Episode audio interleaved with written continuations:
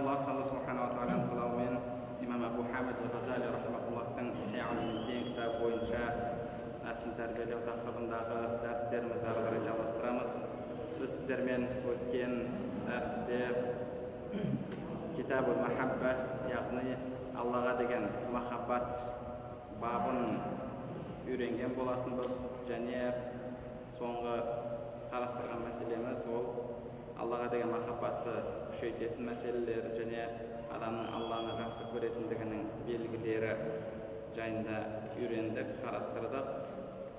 Келесі имам мұхаммед ғазали рахматулла қарастырған мәселе бұл. Осы адамның аллаға деген махаббатынан туындайтын аллаға деген махаббатының жемісі болған адамның бойындағы сипат бұл мақам ридо яғни алла тағаланың істеріне алла тағаланың тағдырына разы болу. Бұл да адамның бойында табылу керек болған сипаттардан болып табылады. Және бұл мұсылман адам жететін сондай өте жоғары деңгейлердің бірі. Жалпы кейбір топтар кейбір адамдар алла тағалаға деген махаббатты жоққа шығарғандай алла тағаланың ісіне разы болуды да жалпы разылық деген мәселені жоққа шығарды. Олар алла тағаланың ісіне разы болу бұл күнәға разы болу бұл жаман істерге разы болу бұл нәрсе мүмкін емес. Ондай болатын болса алла тағаланың істеріне разы болу деген нәрсе мүлдем жоқ деген көзқарасты айтқан. Яғни жалпы адамдардың істерінің барлығы алла субханала тағаланың жаратуымен болады. Құранда алла субханала тағала алла тағала сендерді және сендердің істеріңді амалдарыңды жаратты деді. Адам өзінің амалын жарата алмайды. Және бұл дүниеде болып жатқан нәрсенің барлығы алла тағаланың разылығымен болып жатыр. Алла тағаланың разылығымен болып жатыр. Ондай болатын болса яғни алла тағала алла тағаланың қалауымен болып жатыр. Кешіресіздер. Енді алла субханала тағаланың қалауымен болып жатыр дейтін болсақ онда яғни біз алла тағаланың ісіне разы болуымыз керек болса онда күнәларына да разы күнәларға разы болуымыз керек жаман істерге разы болуымыз керек қылмыстарға разы болуымыз керек. Әлбетте бұл дұрыс емес. Әлгі істерге разы болу ондай болатын болса жалпы разы болу деген нәрсе жоқ деген көзқарасты айтқан. Бірақ егер біз алла субханала тағаланың кітабын пайғамбарымыз саллаллаху алейхи вассалам хадистерін қарайтын болсақ бұл сөздің дұрыс емес екендігін көреміз. Және сондай ақ жалпы алла субханала тағаланың ісіне разы болу алланың тағдырына разы болу деген бұл адамдардың күнәларына күнәлі істеріне разы болу деген сөз емес оған иншалла қазір тағы да тоқталамыз енді разылыққа қатысты алла субханала тағала құран кәрімде бірнеше жерде мұсылмандарға қатысты айтады радиаллаху анху ан олар аллаға разы болды алла оларға разы болды деп келеді және бір аятта алла субханала тағала ридуану миналлахи акбар алла тағаланың разы болуы барлық нәрседен ұлы барлық нәрседен жоғары дегенді алла субханала тағала айтады. Және басқа бір басқа да аяттарда қарайтын болсақ алла субханала тағала пенделерге разы болғандығын және пенделердің аллаға разы болғандығын айтады. Пайғамбарымыз саллаллаху алейхи уассаламның хадистерін қарайтын болсақ та ол жерде де осы разылыққа қатысты көптеген хадистерді көреміз. Сол хадистердің бірі пайғамбарымыз саллаллаху алейхи уассаламнан имам муслим риуаят етеді туба лиман худия лил ислам уакана айшуху кафафан исламға жол тауып жүрегіне исламның хидаяты кіріп және күнделікті тіршілігі асып тасып кетпей былай жеткілікті болған бірақ соған сол жеткілікті болған кірісіне жеткілікті болған күніне разы болған соны қанағат тұтқан адамға жәннаттағы сондай бір үлкен ағаш болсын дейді пайғамбарымыз саллаллаху алейхи уассалам немесе тағы бір мағынасы ол адамға сүйінші болсын дейді абдулла ибн масуд радиаллаху анху айтады أحرقت ما أحرقت وأبقت ما أبقت أحب إلي من أن أقول لشيء كان ليته لم يكن أو لشيء لم يكن ليته كان менің бір шоқты алып жұтып жіберіп сол шоқ ішіме түсіп күйдірген күйдіріп қалдырғаным қалдырғаны болмаған нәрсеге былай болғанда еді немесе болған нәрсеге бұлай болмағанда еді деп айтқанымнан мен үшін жақсырақ деген яғни бұл жалпы алла субханала тағаланың ісіне алланың тағдырына разы болудың сондай бір керемет көрінісі болып табылады. Жалпы пайғамбарымыз саллаллаху алейхи уассалам былай болғанда еді немесе былай болмағанда еді деген секілді сөздер ләу яфтаху бабан жалпы шайтанға есік ашады деген. Яғни пайғамбарымыз саллаллаху алейхи уассалам хадисінде айтқандай сенің басыңа келген нәрсе ешқашан сені айналып өтпейді және саған бұйырмаған нәрсе ешқашан саған келмейді сенікі болмайды. Адам осы нәрсені жақсылап жүрегімен сезінетін болса алла субханала тағаланың бергеніне алланың ісіне разы болады. Абдулла ибн радиаллаху анху менің ішіме шоқ түсіп ішімді күйдіріп жібергені мынау былай болғанда еді былай болмағанда еді деп айтқаннан мен үшін жақсырақ деген. Бірде ұлы табиғиндердің бірі мұхаммад ибн уасиятың бір денесіне жара шығады. Сонда таныс бір кісі әлгі жараны көріп мынау жараңды көріп саған жаным ашып кетіп жатыр деген кезде имам мұхаммад ибн уаси рахмаулла осы жара шыққан күннен бері мен алла тағалаға шүкіршілік айтып жатырмын. Аллаға шүкір. Егер алла қаласа осы жараны мен көзіме шығарып қояр еді. Көзіме емес басқа денемнің басқа бір жеріне шығарғанына құдайға шүкіршілік айтып жатырмын деген. Яғни алла субханала тағаланың ісіне разы болғандығын осылай білдірген. Омар радиаллаху анху айтады.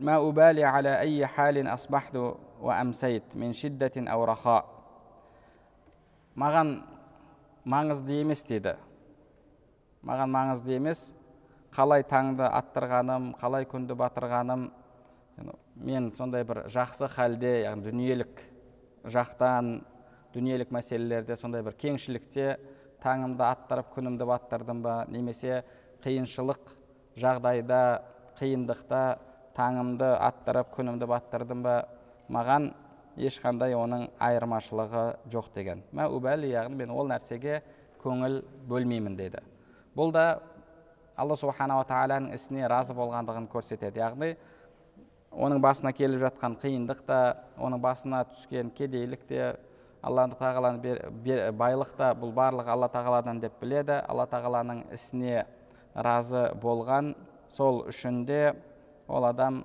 маған айырмашылығы жоқ дейді. Имам маймун ибн махран рахмаулла айтады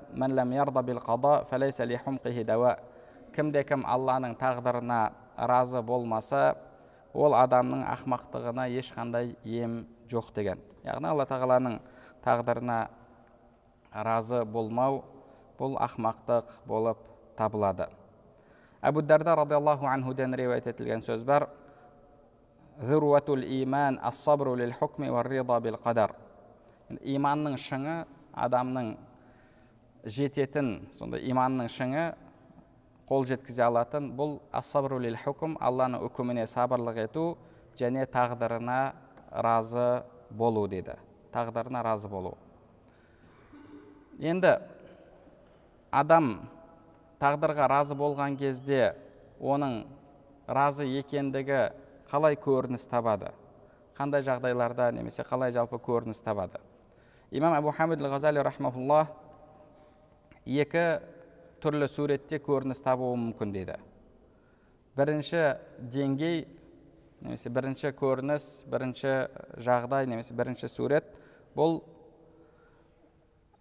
мысалы алла субханала тағала оған бір қиындық жіберген кезде ауру жіберетін болса аллаға махаббаты күшті болғандықтан алланың ісіне разы болғандықтан ол нәрсенің ауырлығын ауыртпашылығын қиындығын сезінбейді. Яғни ол адамның иманының соншалықты күштілігі ол басына түскен қиыншылықты сезбей қалады. Негізінде ислам тарихын қарап отыратын болсақ ислам тарихында мысалы кейбір сондай үлі сондай үлкен ұлы тұлғалар жарақаттанған. Сол кезде мен қазір намаз оқиын намазда тұрған кезімде аяғына әлгі садақ кіргені бар тағы басқасы бар. Соны алыңдар дейді намазға кіріп кеткен кезде әлгі садақтың оғын аяғынан шығарып жатқанын да сезбеген сахабалар болды. Тәбиандерден де сондай оқиғалар кездеседі. Кейбіреулерінің бағанағы дуалы құлап тағы біреулердің үйінде өрт болып жатқан кезде соны сезбеген кездері болған. Яғни адам аллаға махаббаты күшейген кезде алла тағаланың ісіне разы болған кезде сол істің сауабын сезініп разы болғандығы үшін алла тағала оған каффаратын беретіндігін күнәсін кешіретіндігін білгендіктен сол сауаптың ләззатын сезіну әлгі ауруды ұмыттырып жібереді. Бұл ұлы сахабалардың бірінен келген сөз. Басына сондай қиындық түсіп соғыста жарақаттанған кезде ол кісі сол жарақатты сезінбеген. Және айтқан сөзі бар осы жарақатыма алатын сауабымның ләззаты жарақаттың ауруын ұмыттырып жіберді деген сөзді айтқан. Жалпы адам бұл қалайша деген ойға түсуі мүмкін бірақ негізі күнделікті өмірде де адам кейде егер біреумен төбелесіп жатқан кезінде бір жарақат алатын болса қаны қызып тұрған кезде сол нәрсені сезбейді. Мысалы сезбей қалады кейіннен артынан барып сезуі мүмкін. Ал енді адамның жүрегі алла тағалаға түгелде байланып аллаға деген махаббаты күшейген кезде ол сондай деңгейге жетуі мүмкін. Соның сауабын ойлап яғни әлгі басына түскен қиындықтың сауабын ойлап соның сауабымен ләззаттанып басына түскен қиындықты сезбей қалып жатады. Бұл бірінші суреті. Енді екінші суреті басына түскен ауыртпашылықты сезінеді жанына батады бірақ жанына батқанымен ол сол нәрсеге разы болады. Яғни денесі ауруды сезінеді. Бірақ ақылы сол істің алла тағаладан екендігін біліп ақылымен жүрегімен иманымен сол іске разы болады. Яғни ғұламаларымыз айтпақшы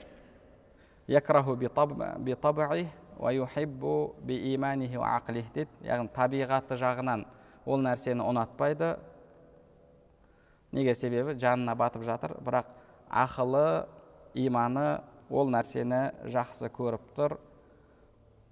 Себебі бұл алла субханала тағаладан екендігін біледі. Оған мысал ретінде келтіретін болсақ адам хижама жасатуға барады. Сол хижама жасатуға барады. Енді хижама жасап жатқан кезде рахаттанып бір ләззаттанып отырмайды әлбетте. Неге? Себебі оны адамның жанына батады әлгі немен тіліп жатқан кезде тартып жатқан кезде оны ауыртады. Немесе басқа да бір емнің түрін қабылдап жатқан кезде адамға бататын. Енді денесімен әлгі қиындықты ауруды сезіп жатқанымен ақылымен ол сол нәрсені қалап тұрады соған разы болып тұрады. Неге себебі?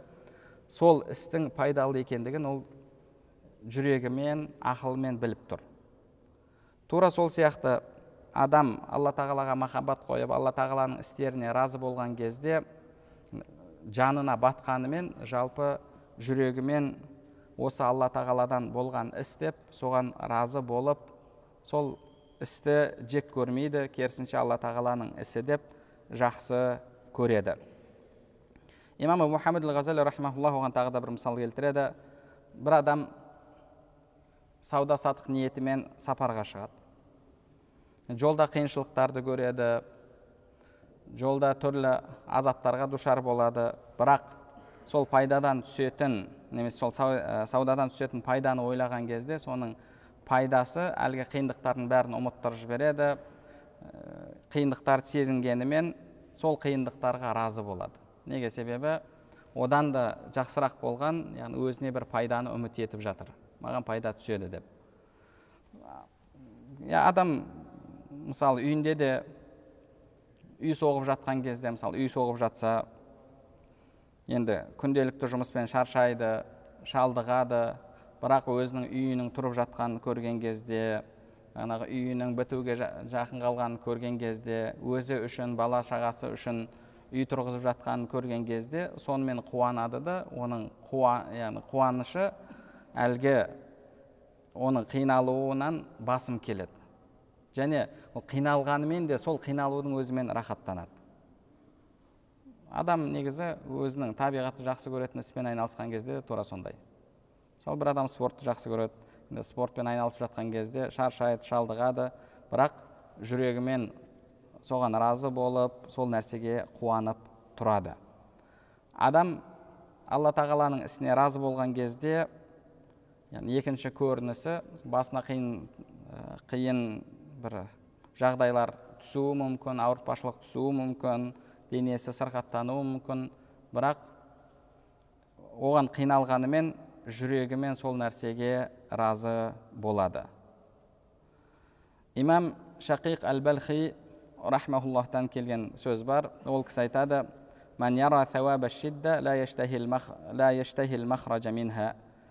кімде кім ауыртпашылықтың қиындықтың сауабын көрсе сезінсе ол қиындықтан шығуды қаламайды деген. Ол қиындықтан шығуды қаламайды дейді имам шақиқ әл балхи рахмауллах бұл осы тасауф саласының үлкен ғалымдарынан жалпы 194 хижри жылы үлкен сондай бір шайқаста мұсылмандар мен кәпірлердің арасындағы джихадта шәһид болған үлкен ғұлама болып табылады. Яғни қарап отыратын болсақ жалпы алдыңғы уақыттағы тасауф ғалымдарын қарайтын болсақ барлығы да алла субханала тағаланың жолында джихадқа шыққан мұсылмандармен бірге қанша қалалардың қанша елдердің фәтх болуына себепші болған сол мұсылмандардың қатарында жүрген үлкен ғұламалар үлкен ғұламалар тасауф ғалымдарын қарайтын болсақ бұл да сондай ғалымдардың бірі болып табылады. Кейін уақыт өте келе онда еш нәрсемен айналыспай жалпы қолын сілтеп бір бұрыштарда отыратын адамдар пайда болды. Негізінде ғұламаларымыз ондай адамдарды мысалы кәсіп етуді тастап жұмысты тастап әлгі мұсылмандармен бірге бір исламның дамуына атсалыспастан тек қана бір бұрыштарда отыратындарды жалпы сол тасауфтың атын жамылған адамдар деп білген. Енді адам дұға жасаса дұға жасайтын болса. Оның дұға жасауы сол алла тағаланың тағдырына разы емес екендігін білдіреді ме? Әлбетте олай емес.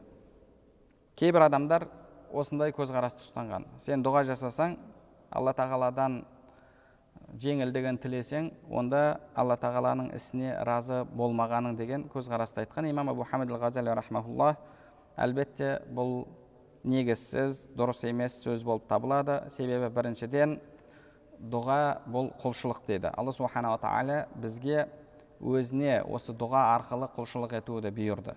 Яғни құлшылық та дұға болып табылады. Пайғамбарымыз саллаллаху алейхи уассалам дұға бұл құлшылық деді. Басқа бір риуаятта дұға құлшылықтың өзегі деді. Яғни біз жалпы біріншіден құлшылық ретінде алла субханала тағаладан сұраймыз аллаға дұға жасаймыз. Және алла тағалаға дұға алла тағалаға дұға жасауымыз біздің алланың тағдырына разы емес екендігімізді көрсетпейді. Құранда алла субханала тағала мұсылмандардың үміт пен үрейдің арасында жалынып жалбарынып алла тағалаға дұға жасайтындығын келтірген. Және пайғамбарлар да алла субханала тағалаға көптеп дұға жасаған ол жайында көптеген аяттар бар. Және пайғамбарымыз саллаллаху алейхи уассаламның хадистері бар болып табылады. Сол үшін де жалпы дұға бұл алла тағаланың тағдырына разы болуға кедергі келтірмейді. Себебі сол тағдырды сізге жазған алла субханала тағаланың өзі маған дұға жаса менен тіле деп бұйырды. Және алла субханала тағала сұралмаса ашуланады. Пенде сұраса егер біреу бір нәрсе сұраса ашуланса алла субханала тағаладан сұрамасаң ашуланады. Яғни алла субханала тағала бізге өзіне дұға етуді міндеттеді. Енді екінші бағана біз айтып кеткен мәселе бұл алла субханала тағаланың тағдырына алланың ісіне разы болу деген сөзіміз. Күнәға разы болу деген сөз бі егер сен алла субханала тағаланың ісіне разы болдым десең онда адамдарды жақсылыққа бұйырып жамандықтан тыюыңа болмай ма? Кейбіреулер сондай көзқарас көзқарасты алға тартып сондай пікір айтқан. Солардан келетін бір сөздер бар. Олар айтады егер сен шариғат көзімен қарасаң бір күнә істеп жүрген адам күнә істеп жүрген адам сондай сөзді айтқан енді жалпы бұл да әлгі тасауфқа кірген тасауфты бұрмалаған топтар болып табылады бұндай адамдар күнә істеп жүрген кезінде бір ғалым тоқтатып мына ісің дұрыс емес деген кезде әлгі кісінің айтқан сөзі لو نظرت إلي بعين الشريعة لمقتني ولو نظرت إلي بعين الحقيقة لعذرتني егер сен шариғат көзімен маған қарайтын болсаң мені жек көресің менің ісімді ұнатпайсың деген. Бірақ ақиқат көзімен қарайтын болсаң онда сен менің үзірлі екенімді білер едің менің бұл ісіме қарсы шықпас едің деген сөзді айтқан. Яғни олар жалпы әлгі шариғат кейін ақиқат деген нәрсені осылай бұрмалап түсіндірген. Бұрмалап түсіндірген сен дейді шариғат көзімен қарайтын болсаң әлгі зина жасап жатқан адамды жек көріп оның ісін дұрыс емес деп ісіне қарсы шығасың арақ ішіп жатқан адамды көрсең оның ісіне қарсы шығасың тағы да басқа да бір күнә істеп жатқан адамды көрсең оның ісіне қарсы шығасың. Егер сен шариғат көзімен қарасаң деді бірақ ол деңгейден көтеріліп ақиқат деңгейіне жетіп ақиқат көзімен қарайтын болсаң онда е мынау алланың бұйрығын орындап жатыр шариғатты орындаған адам. Мынау алланың қалауын орындап жатыр екеуі де әйтеуір алланың біреуі бұйрығын біреуі қалауын орындап жатыр ғой. Мен неге онда оған қарсы шығамын деп сенің ақиқат көзің ашылар еді көкірек көзің сонымен бұл нәрселерге қарсы шықпас едің деген сөзді айтқан. Яғни олар осы ақиқат деген мәселені жалпы осылай бұрмалаған. Ақиқат көзімен қарау деген яғни сен кез келген нәрсені көрсең әйтеуір барлығы алла тағаланың қалауын орындап жатыр ғой алланың бұйрығын орындамаса да. Енді бізде жалпы ақидада күнә істеп жатқан адам да жақсы амал істеп жатқан адам да екеуі де алла субханала тағаланың қалауымен істеп жатыр. Алла субханала тағаланың қалағаны болады қаламағаны болмайды. Жалпы қалау деген не нәрсе оны негізі бұл дәрісте емес біз иншалла мынау ақида мәселелерін қарастырып жатырмыз сол жерде қарастыратын боламыз. Олар осылай айтқан. Мынау алланың бұйрығын орындап жатыр мынау алла тағаланың қалауын орындап жатыр. Сен шариғат көзімен ғана қарайтын болсаң онда сен ол адамды жек көресің деді. Ал егер ақиқат көзімен қарайтын болсаң онда сенде соған деген түсіністік пайда болады. Яғни ол да бір әйтеуір алланың қалауын орындап жүрген біреу ғой деп ол адамға сондай бір сүйіспеншілікпен қарап сенде бір қазіргі заманауи тілмен айтатын болсақ бір толеранттылық пайда болады деп жатыр. Сенде бір толеранттылық пайда болады деген осындай сөзді айтқан. Әлбетте бұл сөз адасушылық бұл сөз негізі өте ауыр сөз болып табылады. Себебі қандай да бір көзқарас қандай да бір көзқарас тасауф саласындағы болсын егер шариғатқа қайшы келетін болса онда ол адасушылық болып табылады. Адасушылық болып табылады. Адам тариқатқа жалпы ақиқатқа тек қана шариғат есігінен ғана кіре алады. Шариғат есігінен кіре алады. Егер қайсы бір тариқат шариғатта халал болған нәрсені харам етіп харам болған нәрсені халал етіп жатса бұл адасқан тариқат болып табылады. Адасқан тариқат болып табылады. Шариғат кейбіреулер айтпақшы ол бір машина сияқты нәрсе емес. Біреулер жүр ғой сонда шариғат деген машина сияқты. Оны мініп алып бағанағы зинадаға зинаға да барасың оны мініп алып байға да барасың оны мініп алып үйтесің бүйтесің деген сондай сөздерді айтып жатыр. Жоқ шариғат бұл алла субханала тағаланың діні.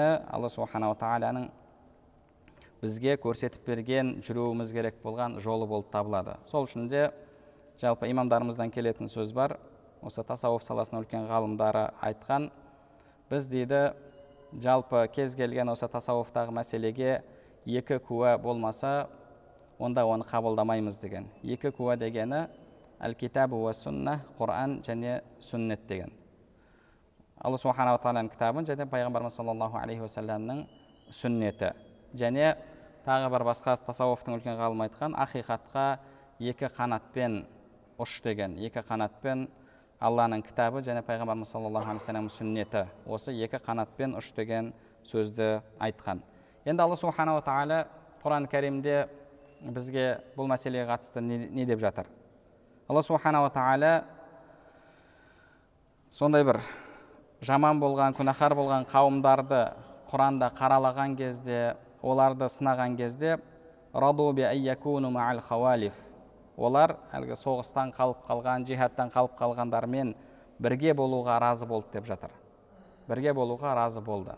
Яғни әлгі күнә істеп жатқан адамдарды айтып жатыр алла субханала тағала олар күнәһарлармен бірге болуға разы болды деп жатыр. Яғни күнәға разы болу ондай болатын болса күнә. Күнәға разы болу күнә болып табылады. Алла субханала тағала аяттың жалғасында алла олардың жүректеріне мөр басты дейді. Және алла субханала тағала құран кәрімде мысалы бір екі аятта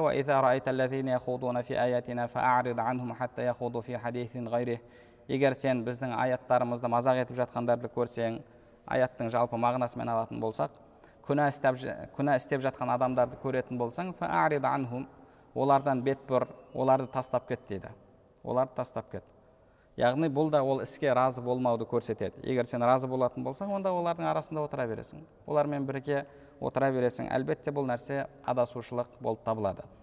Пайғамбарымыз саллаллаху алейхи уассалам құран кәрим пайғамбарымыз саллаллаху өзінің хадис шарифінде кімде кім бір жамандықты көрсе оны шамасы келсе қолмен өзгерту өзгертушілер деген санатқа кіретін адамдардан болса әлгі күнәні істеп жатқан адам соның қол астындағы адам болатын болса онда қолымен өзгертсін деді. Егер қолымен өзгерте алатын жағдайда болмаса онда тілімен соның дұрыс емес екенін айтып ескертсін деді. Егер оны да істей алмаса фәби қалби жүрегімен сол нәрсені жек көрсін деді. Яғни ол іске разы болсын деп тұрған жоқ. Разы алла субханала тағаланың ісіне разы болу деген сөз күнәға разы болу адамдардың күнә істеріне үндемей разылықпен қарау келісу деген сөз емес. Пайғамбарымыз саллаллаху алейхи вассалам ең болмаса жүрегімен жек көрсін деп жатыр. Ал одан кейін ары қарай иман жоқ дейді. Одан кейін ары қарай иман жоқ дейді. Яғни адам ең болмағанда жүрегімен күнәні жек көруі қажет. Разы болуы емес. Пайғамбарымыз саллаллаху алейхи вассалам осылай айтып жатыр. Алла субханала тағала құран кәрімде күнәға разы болмау керектігін айтып жатыр. Ондай болатын болса қалайша кейбіреулер келіп сен ақиқат көзімен қарасаң күнәһарларға қарсы шықпайсың олардың ісіне түсіністікпен қарайсың деп соңында жақсылыққа бұйырып жамандықтан жамандыққа тыйым салуды олар мүлдем тастап қойған яғни әл әмру бил маруф анил мункар деген мәселені тастап қойған бұл әлгі тасауф саласындағы кейбір адасқан тариқаттарда болған құранда алла субханала тағала لا يتخذ المؤمنون لا يتخذ المؤمنون الكافرين أولياء жалпы кәпірлерді мұсылмандар өздеріне дос тұтпасын дейді аяттың жалғасында мен мұминин яғни мұсылмандарды қойып қойып кәпірлерді дос тұтпасын дейді басқа бір аятта біз сол залымдарды біріне бірін дос қылып қоямыз деп алла субханала тағала айтып жатыр яғни бұл аяттардың барлығы жалпы күнә иелерінен ұзақ болуды және олардың істеп жатқан ісіне разы болмау керектігін білдіреді енді бұндай болатын болса онда алла субханала тағаланың ісіне разы болу дегеніміз не алла субханала тағаланың ісіне разы болу дегеніміз күнәға үндемей күнәға қарсы шықпау ма имам хамид ғазали олардың әлгі өздерінің істерін хуснул хулуқ деп те атады дейді яғни сол уақытта сондай адамдар болды әлгі арақ ішкен адамға арағыңды қой деп айтпауды намаз оқымаған адамға намаз оқы деп айтпауды зина жасаған адамға зина жасама деп айтпауды яғни жақсылыққа бұйырып жамандыққа тыйым салуды тастауды олар хуснул хулуқ яғни көркем ақлақ деп атады. Әлбетте бұл көркем ақылақ емес бұл адасушылық болып табылады. Имам мұхаммед ғазали рахмаулла айтады жалпы кез келген іс дейді бұл дүниедегі іс оның адамға қатысты жағы бар алла субханала тағалаға қатысты жағы бар дейді. Аллаға қатысты жағы бар адамға қатысты жағы бар. Алла субханала тағалаға қатысты жағы адамға алла тағала ерік берді ол сол еркін пайдаланып әлгі істі кәсіп етеді алла субханала тағала ол істі оған жаратады жаратып береді. Яғни адам өзінің ісін жаратып жатқан жоқ алла субханала тағала оның ісін жаратып жатыр. Яғни ол алла субханала тағаланың жаратуы болу тұрғысынан алла субханала тағаланың ісі болу тұрғысынан біз алла субханала тағаланың ісіне қарсы шықпаймыз. Яғни алла мысалы бір адам біреуді өлтіріп қойса алла тағалаға наразылық білдіріп е алла сен неге мынау адамның қолында осы қолымен осы нәрсені істеуіне жол бердің? Яғни арабша оны қалай айтады? Дейді мысалы қалайша оған сол өлтіру деген істі жаратып бердің деп алла субханала тағалаға қарсы шығып алла тағалаға наразылық білдірмейміз. Алла субханала тағаланың ісі тұрғысынан біз яғни жалпы алла субханала тағаланың істерінің барлығына разы боламыз. Ал енді адамға қатысты жағына келген кезде алла субханала тағала адамға ерік берді және сол істерді яғни алла субханала тағала әлгі істі жаман істеді оған тыйым салды. Енді қайсы бір адам соны істеп жатқан кезде ол алла субханала тағаланың шариғатына қайшы келіп жатыр. Алла субханала тағала оған ерік беріп әлгі ісі алланың қалауымен болып жатқанымен алла субханала тағаланың ол кісі шариғатына қайшы келіп жатыр. Алла субханала тағала бізге жол сызып берді мына жолмен жүр осы жолдан тайып кетпе деді. Әлгі тайып кетіп жатқан адам алланың бұйрығына қарсы шығып жатқан адам. Ондай болатын болса яғни ол адамды күнәһар ретінде біз жақтырмаймыз оның ісін жек көреміз. Бірақ алла субханала тағала сол нәрсені оған жаратып беріп жатыр. Алланың ісіне қатысты келген кезде біз алла субханала тағалаға наразылық білдіріп алла субханала тағалаға қарсы шықпаймыз. Тек қана сол яғни адамға қатысты жағында біздің жақсылыққа бұйырып жамандықтан тыю әрекетіміз жүзеге асады. Яғни кез келген мәселенің аллаға қатысты, қатысты жағы бар адамға қатысты жағы бар. Алла субханала тағала